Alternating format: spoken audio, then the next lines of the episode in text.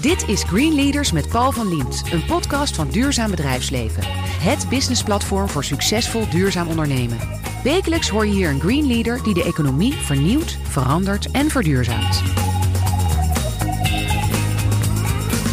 Michel Scholte is medeoprichter van TruePrice. TruePrice streeft ernaar om de echte prijs van producten inzichtelijk te maken voor consument en leverancier.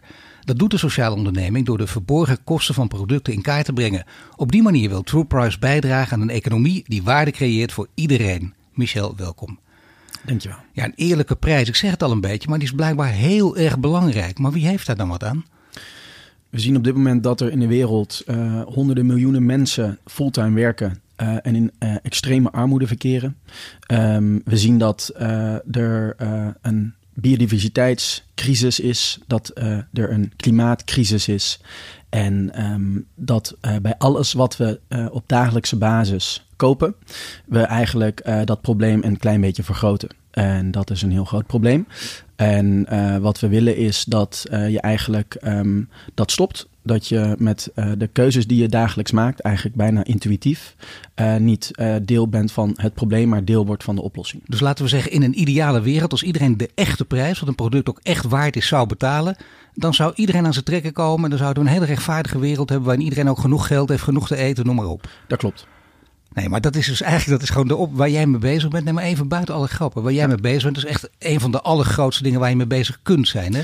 Dit dat, is, dat is streven naar een rechtvaardige wereld en het echt waarmaken. Absoluut. Dit is de kans die er is om uh, armoede uit de wereld te helpen. Om klimaatverandering uh, in toom te brengen. Om biodiversiteit um, te herstellen.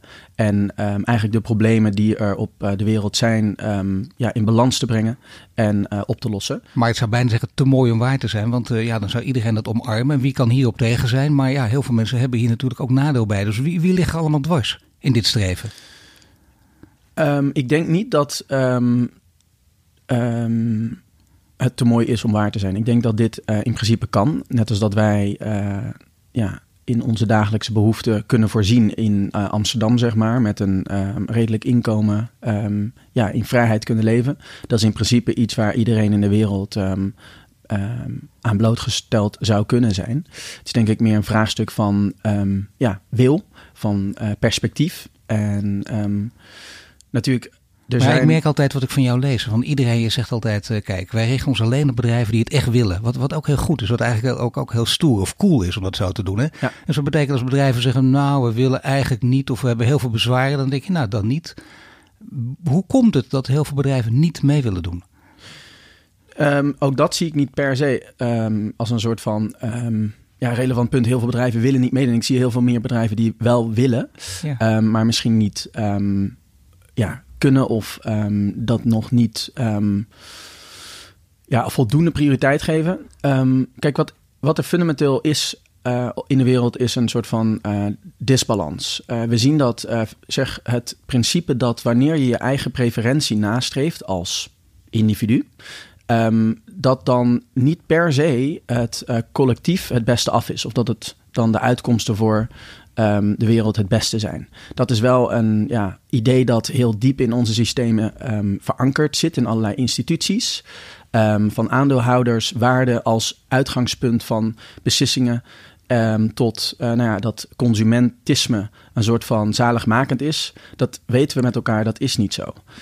Zelfs niet voor het individu, maar zeker ook niet voor ja, dus de, uh, de samenleving Um, het is veel beter om uh, zowel de preferentie van jezelf en van het individu uh, te optimaliseren, maar ook um, te kijken hoe dat voor de samenleving in bredere zin um, waarde kan Je ziet ook inderdaad dat jij nu zegt dat steeds meer bedrijven natuurlijk deze gedachte wel omarmen. Ze moeten ook wel. Want stel dat ze het niet doen, dan, ja. uh, dan gaan mensen zich van je product afwenden, willen niks met je bedrijf te maken hebben. En vroeger konden ze de schouder ophalen aan voorbij. Oh, dat maakt niet uit. En dan konden ze een beetje cynisch doorgaan. Dat ja. werkt niet meer. Nee. Veel meer zaken dan alleen maar financieel gewin tellen nu mee. Hoewel financieel gewin ook belangrijk blijft. Maar er zijn heel veel andere zaken die net zo hard mee gaan tellen. Ja, absoluut. En ik denk dus dat als je zegt van ja, ze willen niet, dan vind ik iets te ongenuanceerd. Ik denk meer dat het zo is dat men nog niet voldoende perspectief heeft en voldoende handvaten heeft om dit te rijmen met de dagelijkse ja, ja, oude systemen. Nee, maar het is wel leuk om voor jou te weten, in de praktijk, je benadert bedrijven en je zegt wat je wil, wat je boodschap is, wat een heel mooi verhaal is. En er zijn de bedrijven die zeggen graag willen meedoen, heel veel grote bedrijven ook, een aantal die zeggen we willen niet. En dan wil ik graag wat voorbeelden weten van welke bedrijven zeggen meteen tegen jou, Michel, fantastisch jongen, we doen mee. En welke bedrijven zeggen nou, we aarzelen nog even. Nou, het uh, eerste bedrijf dat hier uh, heel veel inzag was uh, Tony Chocolonely als sociale onderneming in 2012, 2013. De directeur toenmalig van de waardeketen, die zei, ik snap het niet helemaal nog, maar dit is wel iets wat helemaal in lijn ligt met onze gedachten. Laten we samenwerken. Ik voel zijn handdruk nog. En die zei, ah, ja, let's do it. We hebben toen voor hen berekend wat hun um, true price was ten opzichte van de sector. En we zagen dat zij um, ehm, 40% beter presteerde dan een uh, gemiddeld uh, reepje uh, chocola. Maar dat is goed. Dit ging, dit ging echt bijna op gevoel, op intuïtie. Zeiden ja tegen jou. Neemt daar ook een risico natuurlijk mee. Ja, en het pakt uiteindelijk ook goed voor ze uit. Zeker. Ja, het is gewoon ja. ondernemerschap. En nou ja, dan hebben ze op dat moment voor 2020 gezegd... we willen naar nul sociale milieukosten. En wat zijn dan de projecten die ze moeten omarmen om daar te komen? Ze hebben um, in 2018 in een beslissing van 20 minuten...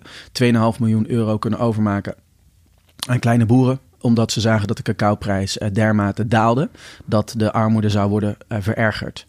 Dat is denk ik heel exemplarisch voor deze beweging. Is dat er een taal ontstaat waar die intenties en die wil om iets te doen om um, ja, de waardeketens te verduurzamen of de wereld in balans te brengen.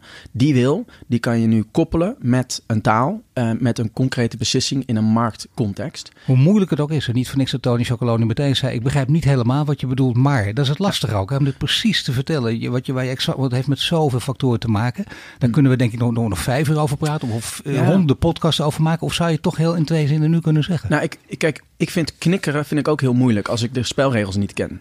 Dus ik denk het is heel relatief wat moeilijk is en wat niet moeilijk is. En hier geldt gewoon voor dat ja, dit zijn calculaties. Hier zijn methodes voor.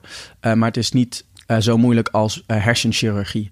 Of um, ja, ik, ik denk het is te dus doen. zelfs ik zou het kunnen begrijpen. Ik, ik, heb echt mijn best gedaan. Kom ik begrijp het ongeveer. Denk, nou, dat, nee, ja. tot nu toe gaat het al heel goed. Ik kom graag een keer ook op je kantoor. Ja, ja, maar nog iets. Er zijn natuurlijk ook bedrijven die dus aarzelen. Of die zeggen nou even, even niet. Welke bedrijven zijn dat? Nou, je hebt in het algemeen denk ik... Mag je ze niet noemen? Nou... Liever wel. Nee, ik, ja, wel joh, lekker transparant. Er zijn bedrijven die nu nog zeggen, nou, uh, we zijn, dat vind ik heel goed ook, naming en shaming. Nou, kijk, ik denk er zijn denk ik, individuen binnen bedrijven. En uh, je hebt altijd, uh, nou, een bedrijf is altijd een palet van uh, motivaties. En er zitten binnen bedrijven ja, mensen die heel zwaar op het financiële leunen. Op de huidige, zeg maar, ja, ja. kosten, besparingen. Uh, op uh, zoveel mogelijk financieel rendement. Uh, het budget dat er is. Korte termijn aanlouderswaarde, laten we zeggen ja, de CFO die alles voor het zeggen heeft. Tuurlijk. Niet per se CEO's, maar dat is, ik denk in elk bedrijf, of CFO, sorry. In elk bedrijf heb je een palet van motivaties. Nee, Micha, mak hem op. Hè. Even duidelijk. Hè. Je praat heel duidelijk tot nu toe, dus ik kun je ook al vertellen. Welke bedrijven aarzelen? Begrijpelijk ook dat bedrijven nog aarzelen. Je probeert je te verplaatsen in anderen. Hm. Dus het kan. En misschien dat ze, dat ze na dit interview denken van, nou ja, nee, wij moeten ook mee gaan doen. Maar welke noem er eens één of twee. Nee, ik, ik vind het niet discreet om uh, namen te noemen. Nee. Ook omdat dat gewoon... Um, zijn het te veel? In ieder geval zijn het vaak veel zijn bedrijven. redenen die, die heel goed te begrijpen zijn. Maar zijn het veel bedrijven? Um, Laten we zeggen, de jullie benaderen bedrijven. Ja. En, en hoe nou, ligt het een beetje in percentages? Dat valt wel mee hoor. Wij, wij doen niet zoveel aan het benaderen van bedrijven. Bedrijven benaderen ons uh, vaak zelf. Um, kijk, je hebt denk ik verschillende industrieën. En er zijn best wel wat industrieën, dat zijn de zogenaamde, of tenminste dat is in de woorden van Herman Wijfels, uh, de sunset industries, zo mooi gezegd. Dat zijn ja, industrieën waar eigenlijk een soort gracious exit, er moet een soort gracieus pad zijn. Ja, Herman Wijfels, oud-directeur van de Rabobank, oud-directeur van de Wereldbank. Ja, klopt. Uh, en die heeft natuurlijk na, daarna uh, heel veel denktijd gestopt met zijn visie in het ja, verduurzamen van de economie. Ja.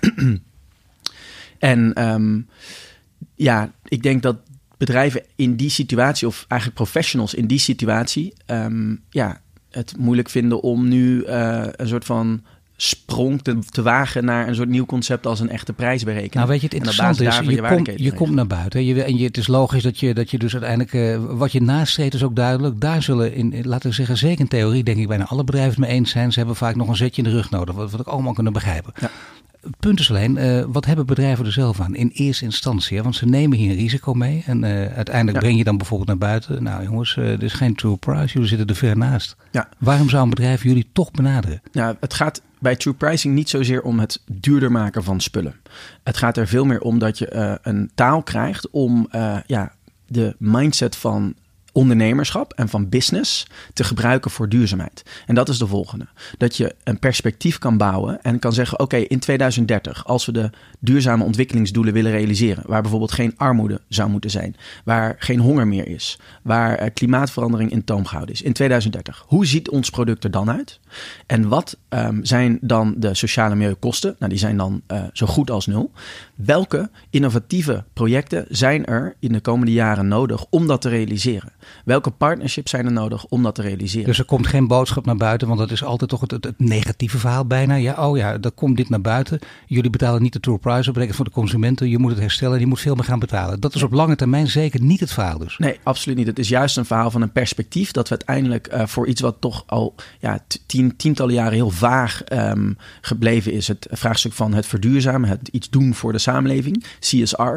Dat wordt in één keer heel concreet en kwantitatief. En daarmee kan je er mee gaan rekenen, kan je dezelfde logica en dezelfde, ja, hetzelfde professionalisme dat je in een bedrijf hebt en wat in het bedrijfsleven floreert, inzetten voor het verduurzamen.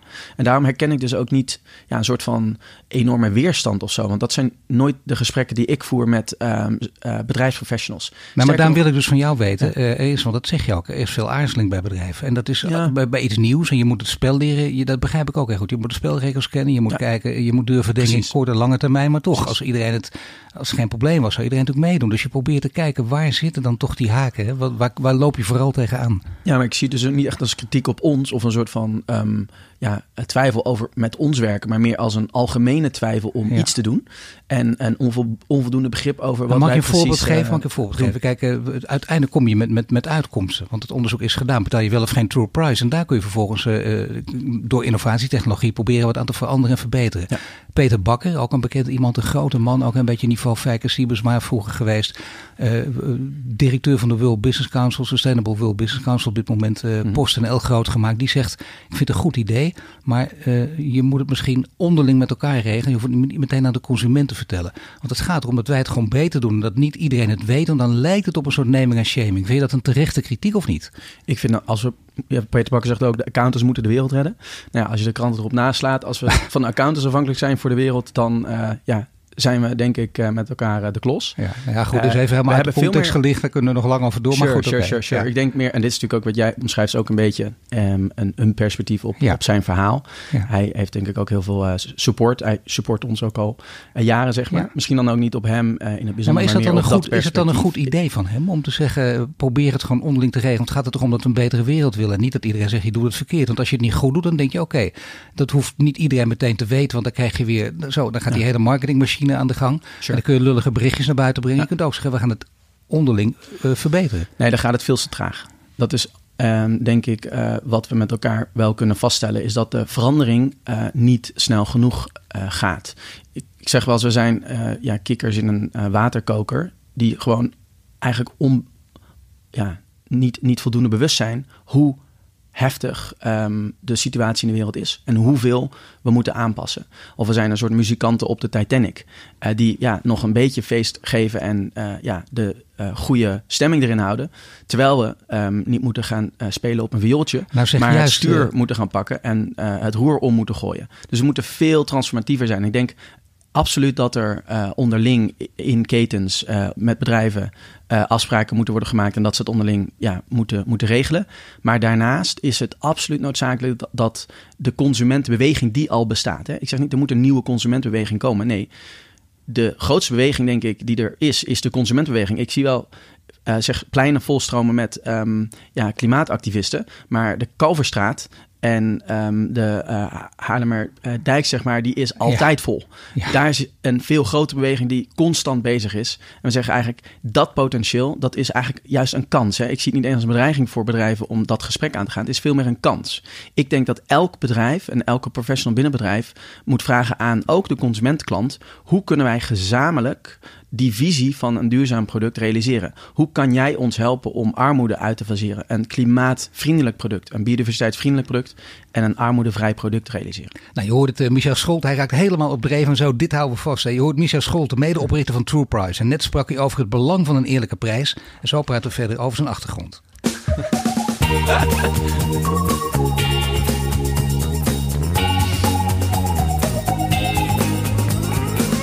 Bij mij in de studio staat Michel Scholten. Net spraken over de manier waarop True Price bijdraagt aan het betalen van een eerlijke prijs. En nu praten we verder over persoonlijk leiderschap. Het begint met uh, heel jong. Hoe oud ben je nu? Uh, ik ben uh, net 33 geworden. Ja, hartstikke oud joh. Hartstikke oud. 33. Maar dat betekent al een tijd hiermee bezig. En dat horen we ook gewoon je er sterk in verdiept en ook zeer betrokken. Dat vind ik ook, dat merk je altijd als je met iemand praat. We hebben elkaar nooit ontmoet. Ik zie ja. je voor het eerst en zo. Dan heb je het eerste gevoel daarbij. Dat is voor mij geen discussie. Dat, dat merk je meteen. Genoeg mensen tegenover me dus dat, dat zit goed. Ja. Maar was het meteen al uh, raak bij jou toen je 6, 7, 8, 9 was? Was je toen al met dit onderwerp bezig? Nou, ik denk dat ik um, al heel vroeg met um, de vraagstuk in de wereld geconfronteerd ben. Ik denk voor een deel door mijn moeder. Misschien ook voor een deel hoe ik zelf ben opgegroeid. Uh, en um, ja, mijn moeder zei altijd, uh, als ik um, voor voetbal uh, in de F'jes, de eetjes, op de bank Telekids keek. Van, um, en dan kwam een, een, spotje voorbij als ik op een andere zender flitste van het Lilianenfonds. Michel, Michel, kom, kom. En dan ja, zei ze, kijk toch eens, kan je daar wil je daar niet ook aan meehelpen? Of ze gaf me altijd een soort van bewustzijn van je moet er echt iets aan doen. En um, ja, ze was altijd vrijwilliger en is altijd actief geweest in allerlei um, ja, buurtinitiatieven. Um, en ze, ze, was er altijd voor iedereen. En dat heeft wel een zaadje in me uh, geplant om verantwoordelijkheid te nemen voor de wereld om je heen. En jezelf niet los te zien van ja, de wereld. En ik denk maar was, was het vooral je moeder of heeft je vader ook nog een rol gespeeld? Nee, het is wel echt mijn moeder geweest. Misschien ook het contrast met mijn vader. Die was wat pragmatischer, een vrachtwagenchauffeur. En um, ja, die had daar... En ik denk ook in... De, die, die lagen elkaar niet zo. Ik denk ook in Wie lagen elkaar niet zo? Je vader ouders. en je moeder? En ze zijn wel bij elkaar gebleven nee, of niet? Nee, zeker niet. Eigenlijk, ik wou zeggen. nooit, nooit um, in mijn bewustzijn uh, is, is dat zo geweest. Maar voor jou, voor jou wel interessant dat je, toch, dat je wel ook die andere kant... Dat jouw vader staat natuurlijk ook voor heel veel mensen die zo denken. Zeker. Ik heb heel goed die kant ook uh, meegekregen in de vrachtwagens. Uh, waar die ijsjes bezorgde bij asielzoekerscentra. En de reflecties daarop, zeg maar. En ook, ja, hij was, uh, we hadden het net over Peter Bakker, vrachtwagenchauffeur bij, um, bij um, toen de tijd TNT en later PostNL. PostNL, ja. Weg. Um, of eigenlijk dat is uitgefaseerd, hè. zijn, zijn baan ook. En, nou, ik, en ik heb ook geleerd dat die kant van het verhaal um, van de mensen die er niet zoveel mee hebben, dat dat op zichzelf respect verdient. En dat dat niet iets is waar je zomaar overheen kan stappen, zeg maar. Dat er een terechte um, perspectief is. Ja, mag ik even heel goed dat dit zegt, omdat je heel vaak hoort, die mensen zijn nog niet te ver, die begrijpen niet hoe erg is het. Of doe het af als populisme, wat eigenlijk oh, een heel lui woord is. Hè? Ja. Dan ben je er meteen van af, hoef je niet over na te denken. Nee, daar krijg ik altijd commentaten van. Ja. Van uh, het wegzetten van um, mensen die nou ja, in hun context daar denk ik een terecht, uh, terechte twijfel bij hebben. En ook een sceptisch hebben tegen heel veel instituties met allerlei goede bedoelingen. Terwijl zij zelf aan het uh, kortste eind trekken. Ja, mijn vader dan, die ja, niet de meest uh, dankbare um, exit heeft uh, gekregen voor zijn tientallen jaren trouwe dienst ja. in allerlei bedrijven als chauffeur van vrachtwagenchauffeur, buschauffeur. Dat is een voorbeeld. En ja, ik kan me wel voorstellen dat die niet heel erg um, um, blij of soort van het, een, een Peter Bakker, zeg maar, met, met allemaal hoogdravende woorden omarmen. Ja. Terwijl dat de mensen zijn die met gouden handdruk uh, natuurlijk uh, vertrekken. En, en dat um, wordt inderdaad heel vaak over, uh, niet echt over het hoofd gezien. Maar ik ben er blij dat je dit zegt, want uh, dat, is, dat is te makkelijk. Dat, dat telt niet mee, die zijn nog niet zo ver. Maar je wil wel die mensen, laten we zeggen de hele groep die, die elke dag door die Kalverstraat heen loopt. En ja. die elke dag over die Haarlemmerdijk in Amsterdam ja. loopt. En je hebt ja. over de Koopgoot in Rotterdam. Waar oh, veel mensen bij elkaar komen. Zeker. Zolang, en, en hoe kun je die mensen overtuigen en meenemen? Want nou, die hebben geen zin in flauwe praatjes. Nee, eens. En ik denk, wat daar zit een... Ten eerste is het... Um,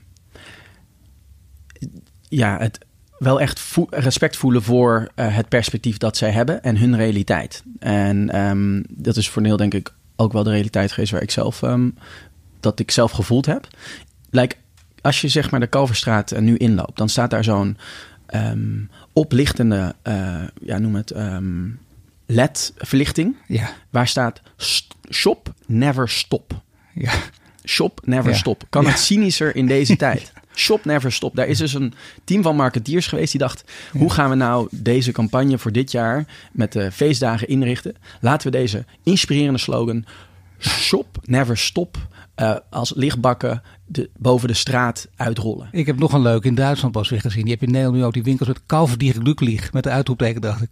Glücklich. Dat, dat, is, dat is natuurlijk om, om cynisch van te worden. ja. Maar laten we wel wezen dat er dus heel veel mensen zijn... die uh, gewoon uh, ter goede trouw uh, hun brood verdienen, hard werken. Um, eigenlijk niet ja, mee profiteren van alle mooie technologische praatjes en uh, vooruitgang. En ja, eigenlijk qua inkomens uh, relatief stagneren en misschien in koopkracht maar hoe krijg je deze mensen dus mee? Ja, maar laat ik heel veel dat punt maken. Want die mensen, en um, die zijn omringd door dit soort, um, ja, noem het koopgroten en dit soort um, frames en normen. En ik denk dat de meerderheid van de mensen, dat zijn, dat zijn de zogenaamde voorwaardelijk medewerkers of de conditional cooperators, zoals dat iets, iets mooier heet in het Engels. Dat is zeggen, zeggen 80, 60 tot 80 procent van de Nederlanders.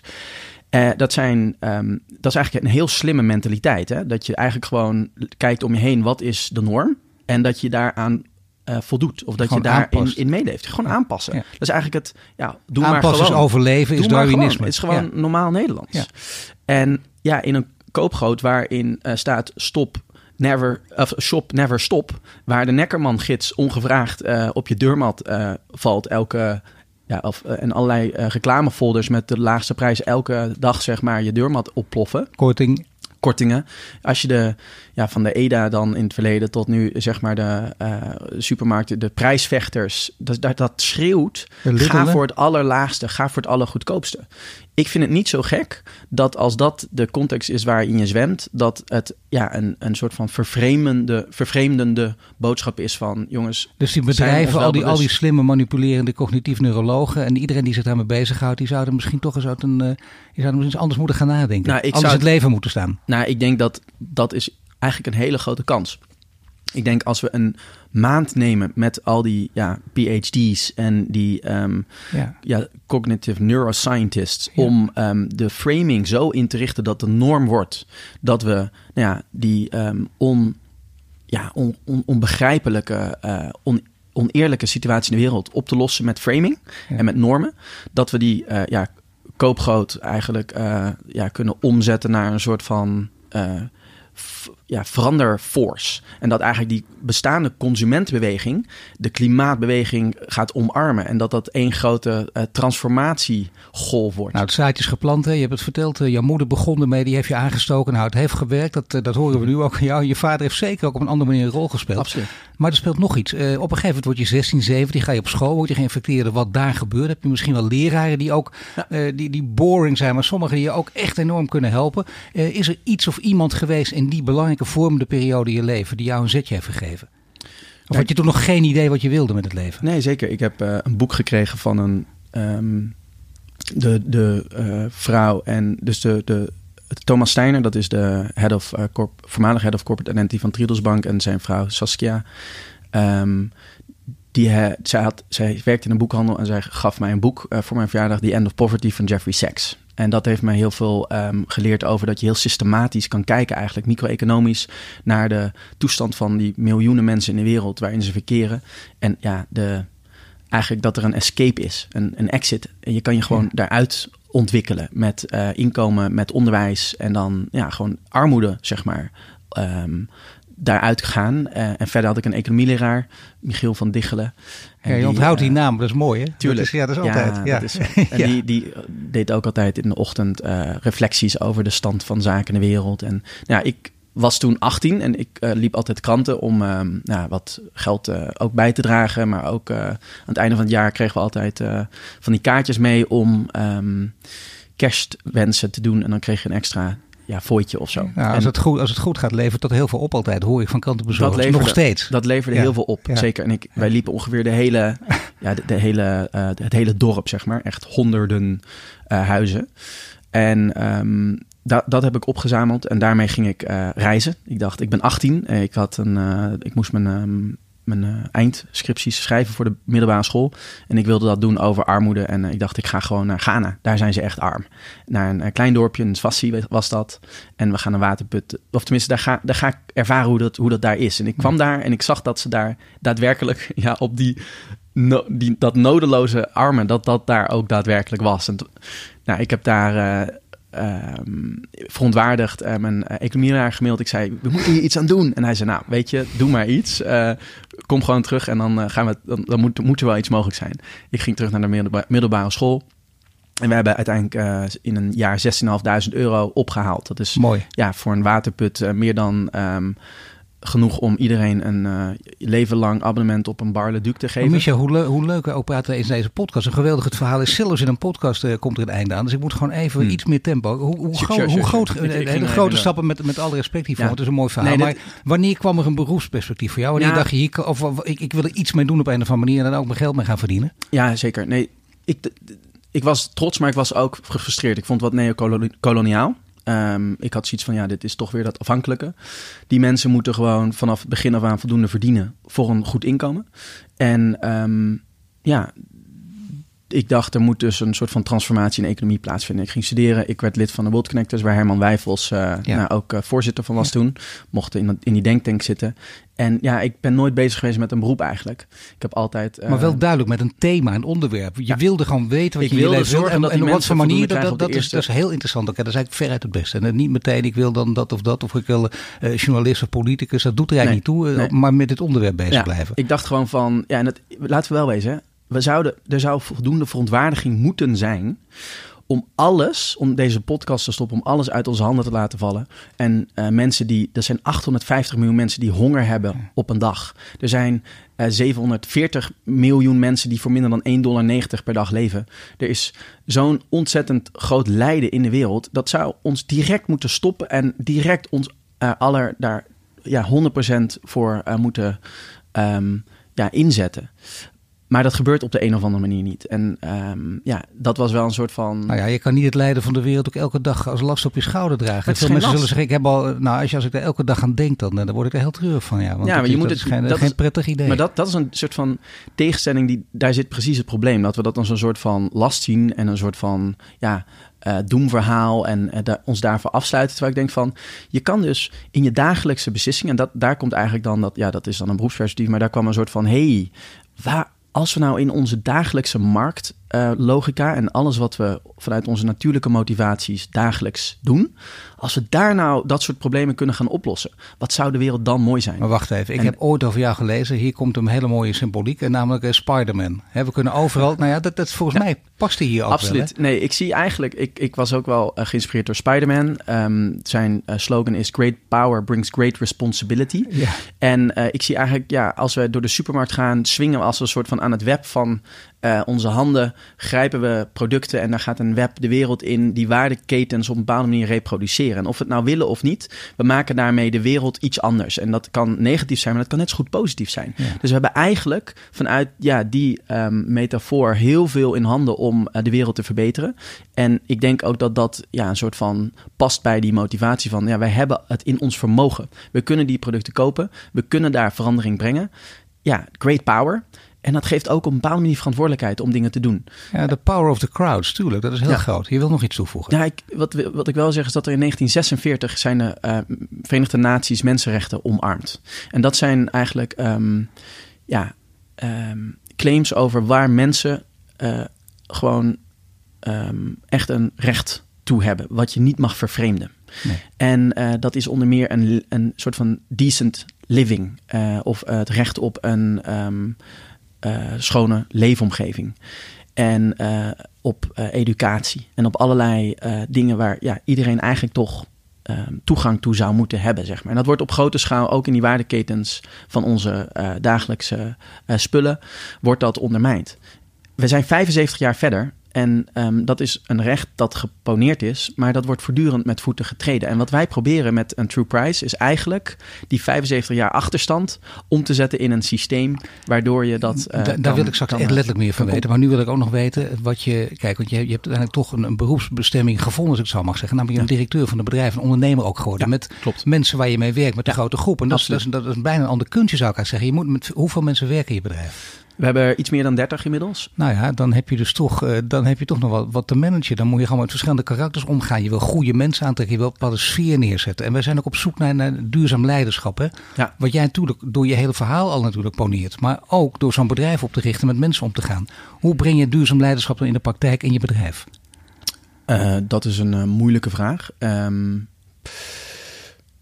ik zou ook zeggen dat dat iets is wat we met het team doen, met elkaar doen. Um, ik weet ook niet of ik het al in de praktijk uh, breng. In ieder geval wat ik probeer is... Um, wij werken natuurlijk met heel veel kwantitatieve mensen. Dus mensen die een hele technische achtergrond hebben. Ja. Econometristen, natuurkundigen, wiskundigen. Die hebben eigenlijk een vermogen om uh, een bepaalde zuiverheid... Um, een, ja, in hun denken um, te gebruiken voor productiviteit. Hè? Denk aan ja, mensen die in, bij hedge funds ja. uh, promiels in winst kunnen um, verbeteren door net een algoritme iets anders in te richten of een voorspellend algoritme te schrijven. Zeg maar. Het zijn eigenlijk de ja, mensen die voor heel veel waarde kunnen uh, zorgen financieel. Wij brengen die mensen een. Die mensen kiezen er zelf voor eigenlijk. Wij geven die mensen de mogelijkheid om um, te werken voor een betere wereld. En ik denk, mijn ja, als het, als het gaat over wat ik daar nog aan toevoeg. Want dat zijn keuzes die ze zelf maken. En uh, ja, dat zijn de brilliant minds, zeg maar, waar ik elke dag een beetje over praat. Um, ik denk dat ik toevoeg dat ik daar een soort van perspectief en een drive aan, aan kan geven, zeg maar. Maar ik moet wel zeggen dat, ja, um, ik zou mezelf zeker nog geen uh, duurzaam leider noemen. Ik heb veel voorbeelden. Nee, maar dat is juist interessant. Hè? Dat je, dat, je nu hier mee bezig, dat je hier nu mee bezig bent. En dat je, dat je dit langzaam vormen gaat geven. En je wil groter en groter gaan worden. Meer impact krijgen. Dus het is ja. heel interessant wat voor fase jij nu zit. Leuk is om, om jou over een paar jaar zeker weer te spreken. Bijna over hetzelfde onderwerp. Ja. Maar je hebt wel voorbeelden. Daar probeer je ja. in, in ieder geval letterlijk ook misschien wel in een voetspoor te treden. Wat, wat zijn je voorbeelden? Herman Wijfels is een voorbeeld. Uh, als uh, persoon die in een... Um, ja, um, boze wereld uh, altijd een moreel kompas volgt. Ja. En uh, kiest voor hetgeen dat uh, nou ja, hij zelf het juiste vindt. En dat is weer hetzelfde als wat er goed is voor de wereld. Ik vind hem een heel inspirerend persoon. Alexander Renoy-Kan is een ander ja. persoon. Extreem um, begaafd, helder um, persoon. Gewoon, ja, bijna een het is waanzinnig. Um, maar toch, laten we zeggen, toch zijn uh, dit allebei. Maar ik zal deze noemen, zeventigers, hè, die, die, en die ook tot het establishment behoren. En zich daar toch op een of andere manier uh, tegenaan uh, tegen, aan, aan, hebben ontrokken. Dus Zeker. ook kritisch durven zijn. Absoluut. En in hun keuze, alle keuzes die ze hadden, hebben ze wel keuzes gemaakt ja. die er zijn om de wereld te, beter te maken. En ja, Wijfels natuurlijk nu met spiritualiteit en ja. met um, ja, echt een transformatief perspectief op mensen en op leiderschap ja. en op de economie. Alexander Renoir-Kan, ja, ik vind hem de beste premier, denk ik allebei eigenlijk, die Nederland uh, nooit gehad, nooit gehad ja. uh, heeft, inderdaad. En ja. dat is denk ik voor een deel ook omdat ze toch niet zo verblind zijn door het ja, eigen uh, gewin of een soort van de, ja, de of status. gewoon hoe het balletje rolt in de praktijk. Want het is ook een opportunistische wereld waar ze voor hetzelfde geld... Nou, dat had gekund. Dat weet, dat, dat, dat weet je weet het niet. Nee, ik ken, maar ik je zegt, en Down to Earth, wil ik ook nog even weten. Los van deze twee grote geesten, wie, wie, wie is nog meer een voorbeeld? Uh, ik vind uh, Greta Thunberg ook een voorbeeld. Um, Ondanks alle weerzen die ze ook oproept en, en heel veel... echt een soort van triest uh, het cognitief uh, How dare you? Dus toch echt... Nou, maar ik, dat ik is... denk van, waarom zou je daar zo emotioneel over worden? Wat, wat, wat is het probleem? Om, om dan daar zo nou ja, over nee, te vallen? Kijk, ik, nee, niet, los van wat wij jij, vinden, maar gewoon dat je, dat, je, dat je merkt hè, dat, dat, dat dat gebeurt. Dat, op die dat leeftijd. iemand daar heel erg Oh ja, nee, maar zeker. Ja, ik, op die leeftijd uh, jezelf zo hard maken voor zo'n zaak die de wereld echt aangaat. Ja, en met alle shit die ze over zich heen krijgt, dat vind ik echt heel inspirerend. En, uh, die, en ik vind eigenlijk al die mensen die uh, de pleinen vullen uh, met protest, die hebben mijn steun. En um, ik vind dat heel inspirerend om te zien. Aan het woord is Michel Scholten. Net sprak over zijn achtergrond. Zo praten we verder over de route naar een wereld in het behalen van de eerlijke prijs normaal is. Ja, en wie weet gaat hij een beetje daar een soort uh, Greta Thunberg spelen.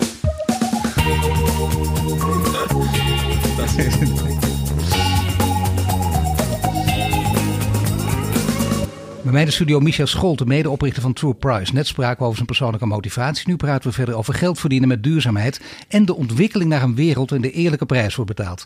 Ja, het grote struikelblok. Dat er moet zorgen dat overal die eerlijke prijs wordt betaald. Daar ben ik eigenlijk een beetje naar op zoek. Want natuurlijk, je hebt logisch, je moet het in, in termen van kansen gieten. En niet al die bedreigingen zien. Maar struikelblokken zijn er natuurlijk wel. Dat, dat hoort ook bij het leven. En die probeer je weg te nemen.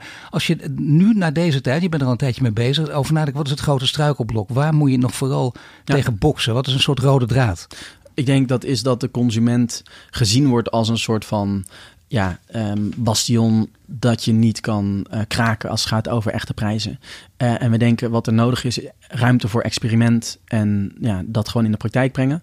We hebben daarom de True Price Store um, opgericht. Dat is een winkel uh, op Haarlemmerplein 2 in de winkelstraat van uh, Amsterdam. Ja, sinds kort hè? Sinds kort, ja. Dus en dat sinds wanneer? Is in, is in opbouw. We hopen dat voor de feestdagen echt live te brengen. Er zit gewoon een team van Dat moet gewoon, hè, want dan zijn die straten vol. Ja, vind ik ook. Ja. Om die reden. En we zeggen eigenlijk, ja, er is inderdaad een uh, honger om true pricing te gebruiken in waardeketens. Veel achter de schermen eigenlijk wat je net zei over Peter Bakker. En dat, dat, dat, dat komt echt lekker los. En uh, ook op politiek niveau, op ja, meer het academische daar, zie je gewoon dat er echt heel veel um, interesse is en, en, en energie. Maar waar we nog te weinig um, lef zien, is eigenlijk het naar de consument brengen en in de schappen leggen. En daarom hebben we gezegd, nou weet je, we gaan het gewoon zelf doen. Wij uh, openen gewoon een winkel in de mooiste winkelstraat in Nederland, de uh, Haarlemmer Dijk. En um, daar gaan we gewoon mee experimenteren. We geven bedrijven uh, de kans om ja, het gesprek aan te gaan met hun consumenten over prijzen. En maar maar geef goed voor wat zie je dan? Zie ik dan bijvoorbeeld een product ook bij jou in de winkel liggen? Ja, waar, komt, de, waar de prijs op staat die je nu betaalt en wat de true price zou kunnen zijn, ja, of zou moeten zijn. Ja, je komt binnen, links zie je een bakkertje, je ziet daar een koffiebar, je ziet aan de rechterkant uh, de, de repen van Tony Chocolonely en je kan daar zien wat is dan ja, nu de huidige prijs, wat is de echte prijs. En um, je kan ook um, experimenteren met er direct iets aan doen. Als je een paar cent meer geeft, uh, zeg een uh, 2 cent, dan uh, kunnen we dat voor al die producten opvangen en daarmee mensen die nu uh, onderverdienen uh, compenseren en een voldoende loon geven. Of we kunnen CO2 uit de lucht halen en op die manier zorgen dat het product klimaatvriendelijk is. We kunnen biodiversiteit conserveren en op die manier zorgen dat dit product niet biodiversiteit ondermijnt, maar juist stimuleert. Nee, maar dit is inderdaad een hele positieve aanpak, want dan heb je niet meteen het idee, oh, dat gaat me veel meer geld kosten. Heb je juist het idee van, nee, met slim nadenken kunnen we stappen ja. gaan zetten, maar dan ga je ja. er wel over nadenken. Dan ga je bijna je brein daarop afstemmen op de manier zoals jij het wil. Helemaal. En ik snap heel goed dat in die huidige uh, e-commerce en uh, ja, een soort van winkelgekte er niet echt ruimte is om, om dit soort experimenten te doen. En ook uh, er niet voldoende tijd is om dat soort begrip te kweken. En wij zeggen daarvoor, ja, proberen we in een jaar um, modellen te maken die schaalbaar genoeg zijn met partners zodat dat uh, kan omarmd worden door uh, naar de honderden, duizenden maar kun je een paar winkels uh, in de wereld. Nou, Toon is Henk-Jan Beltman, die, die, ja, die zei van, yo, dit is zo vet hier. Wij werken eraan mee. Ja. we, zijn nog aan het uitwerken. Nee, die noemde je, maar nog een paar. Um, ik vind het lastig om dat op de radio te noemen, omdat het echt... Ja, maar dat is een podcast. Nee, kom op joh, dat is heel anders. Nee, ik, ik, ik uh, houd even context... ons. Maar een grote uh, Nederlandse cateraar zijn we heel serieus mee bezig. ABN AMRO natuurlijk, Circle. Nou, uh, dat is de uh, cateraar daar. Daar zitten ook heel veel leveranciers omheen natuurlijk. Um, die zijn ja, laaiend enthousiast. En, nee, maar dit begint, dit, dit is duidelijk. Je bent, je bent een grote denken, dat hoort ook natuurlijk bij mijn duurzaam leiderschap en zo. Je de grote, ook lange termijn perspectief. Uh, eerder was Angelique Laskewitz te gast. Zij is directeur van de Nederlandse Vereniging van Beleggers voor Duurzame Ontwikkeling. Ja. En zat de volgende vraag voor jou. Ik zou willen weten hoe hij denkt te realiseren um, dat dit true price denken doorgevoerd wordt. Nou, eerst dan misschien maar in Nederland. En ook um, op welke termijn dit gerealiseerd is. Is dit nou een tienjaarstermijn of moeten we nog op veel langere termijn denken? Leuk. Ja. Uh, we zijn nu in een publiek-private samenwerking bezig om de methode publiek beschikbaar te maken. Uh, in de komende twee jaar nog. Mag je zeggen met wie of is het Ja, nee, bij Wageningen Universiteit, A, ABN AMRO, Rabobank. Okay. De topsectoren, uh, topsector agri, food en tuinbouw. En nog een ja, tiental, uh, als of 15, echt een heel groot aantal um, sectorbedrijven uh, in allerlei sectoren. Nou, dan is die methode in Nederland en wereldwijd ook uh, gestandaardiseerd, geharmoniseerd en open source. Dus dat geeft eigenlijk een basis voor heel veel andere partijen om daarop voor te bouwen. Wat we ook uh, dit jaar willen is dat, het een, dat er een schaalbaar retailconcept uitkomt dat uh, gewoon omarmd kan worden. En daar geldt hetzelfde voor. Gewoon open, dat iedereen dat kan gaan gebruiken als het werkt. Dus dat is in een jaar tijd, um, ja, denken we dat het mogelijk moet zijn voor iedereen om true prices te integreren. Razendsnel, dat is echt knap. Want dat, dat is echt bijna nieuwe technologie. Dat gaat heel snel, waardoor je dus... Uh, die, voor jou is heel goed dat, dat verhaal van die knikkers eigenlijk. Als je het gewoon eenmaal begrijpt, is het heel simpel. Dan snappen we het allemaal. En zo simpel gaat het dan ook worden. Nee, dat is, dat is de bedoeling. Dus zeg een jaar à twee jaar dat je zeg uh, concrete tools, databases, um, software, uh, alles wat nodig is om het echt op grote schaal te kunnen integreren. Waar je niet 70 producten, maar 7.500 producten gaat, uh, gaat neerzetten. Is Nederland, is Nederland het land? Hè? Want dat wil ja. Angelique Laskowitz ook weten. Of kun je dit internationaal uitbouwen? Dus ook met winkels in Duitsland, in Spanje, ja. in, in Italië, in Amerika en China. Nou, we werken bijvoorbeeld aan een. Uh, we, we, brengen de wereldwijde gemeenschap van True Cost Accountants uh, in Nederland in het voorjaar. En we hopen dat zij ook internationaal dezelfde type um, ja, toepassingen en applicaties kunnen gaan uitrollen. Um, maar goed, uh, wat we uiteindelijk nodig hebben is uh, dat inderdaad op uh, Europees niveau in allerlei wetgeving en op Nederlands niveau in allerlei wetgeving makkelijker wordt gemaakt dat je met dit soort technologieën en data naar een true price streeft. Want waar zit daar nog dan een angel? Waarom is het zo lastig met die wetgeving? nou, ik denk dat het op dit moment heel pervers nog steeds zo is dat het minder duurzaam, duurzame product goedkoper af is dan het duurzamere product. En dat is omdat er allerlei belastingen zitten op fossiele energie bijvoorbeeld. Ja. Omdat um, er heel veel ja, um, maatschappelijke kosten gewoon niet worden doorgerekend, waar later wel de rekening wordt betaald. Denk aan stikstof. Als daar gewoon vanaf begin af aan uh, een prijskaartje voor werd uh, gerekend. Niets aan de hand geweest nu. Dan was er niets aan de hand geweest. En uh, ja, dat geldt op grote schaal. Watervervuiling, luchtvervuiling, wateronttrekking. Um, maar ook op uh, allerlei sociale hè, uh, impacts. Waar het eigenlijk gewoon goedkoper is om mensen als een soort van verkapte uh, slaaf of een soort van moderne slaaf in ketens. Maar heel goed om dit zo naar buiten te brengen. Omdat je dan ehm, juist met als voorbeeld stikstof kun je zeggen: ja, hier is het misgegaan. Maar kijk eens even, er zijn nu meer zaken die spelen. Ja. En dan krijgen we, willen niet tien van die stikstofverhalen. Oh die kunnen we nu stoppen door het zo te gaan Zeker, aanpakken. de economische kosten van dit ja, soort van. Maar dit willen bedrijven, dit willen, bedrijven, dit willen politieke partijen extreem. allemaal. Want die hebben met hun achterban te maken, Zeker. die hebben met klanten te maken, die ja. hebben met, ook in de B2B-wereld ja. natuurlijk kijken ze naar elkaar. Dus dat We roepen het al jaren, de uh, klimaatagenda natuurlijk. Daar, daar zit ook heel veel um, onnodig eigenlijk conflict. Dat had je veel slimmer kunnen anticiperen. Uh, met de markt. En dat doe je bijvoorbeeld met true pricing. Voor stikstof, idem. Ik kan maar twee, drie jaar geleden dat wij met ja, die staafjes van stikstof. Um, dat is best wel een uh, grote impact. Oh, leuk, theoretisch. Een soort van schaduwkosten of zo. Hè? Ja, heel interessant, heel interessant. Nou, leuk. Leggen we op de la. Leggen ja. we in de la. Ja ja, je ziet hoe hard dit nu uh, is ingeslagen in die verschillende sectoren. En eigenlijk, ik heb nog de gezichten vormen van de, um, ja, onze partners binnen bedrijven die dat wel een interessant uh, statistiekje vonden. Zo gaat het heel vaak. Elektrificatie ja. en het, um, ja. het, het uit het soort van wegbannen van uh, waterleven. Ja, nee, dat is inderdaad heel erg. Ja, ja, ja. En nu zie je dus dat er regelgeving uh, komt dat ze niet meer aan Europese normen voldoen. Nou, dat kan je denk ik indenken voor heel veel van die uh, sociale en milieukosten. Ook steeds meer internationaal. Hè? Mensenrechten die worden um, geschonden eigenlijk in waardeketens. En dat is niet zo simpel dat je zegt dat gebeurt door dit bedrijf. Maar het is meer de waardeketen die kan ja. daar niet uh, aan voldoen. Dat krijgt ook steeds vaker een, ja, een verbod, een boete. Um, en dat wordt echt een harde liability. En daar zit ook de regelgever op. En ik denk dat dat ja, in Nederland uh, steeds meer gaat gebeuren als het steeds zichtbaarder wordt. Maar ook Europees. Ik denk 2030 is een ankerpunt. Als direct antwoord op de vraag wereldwijd.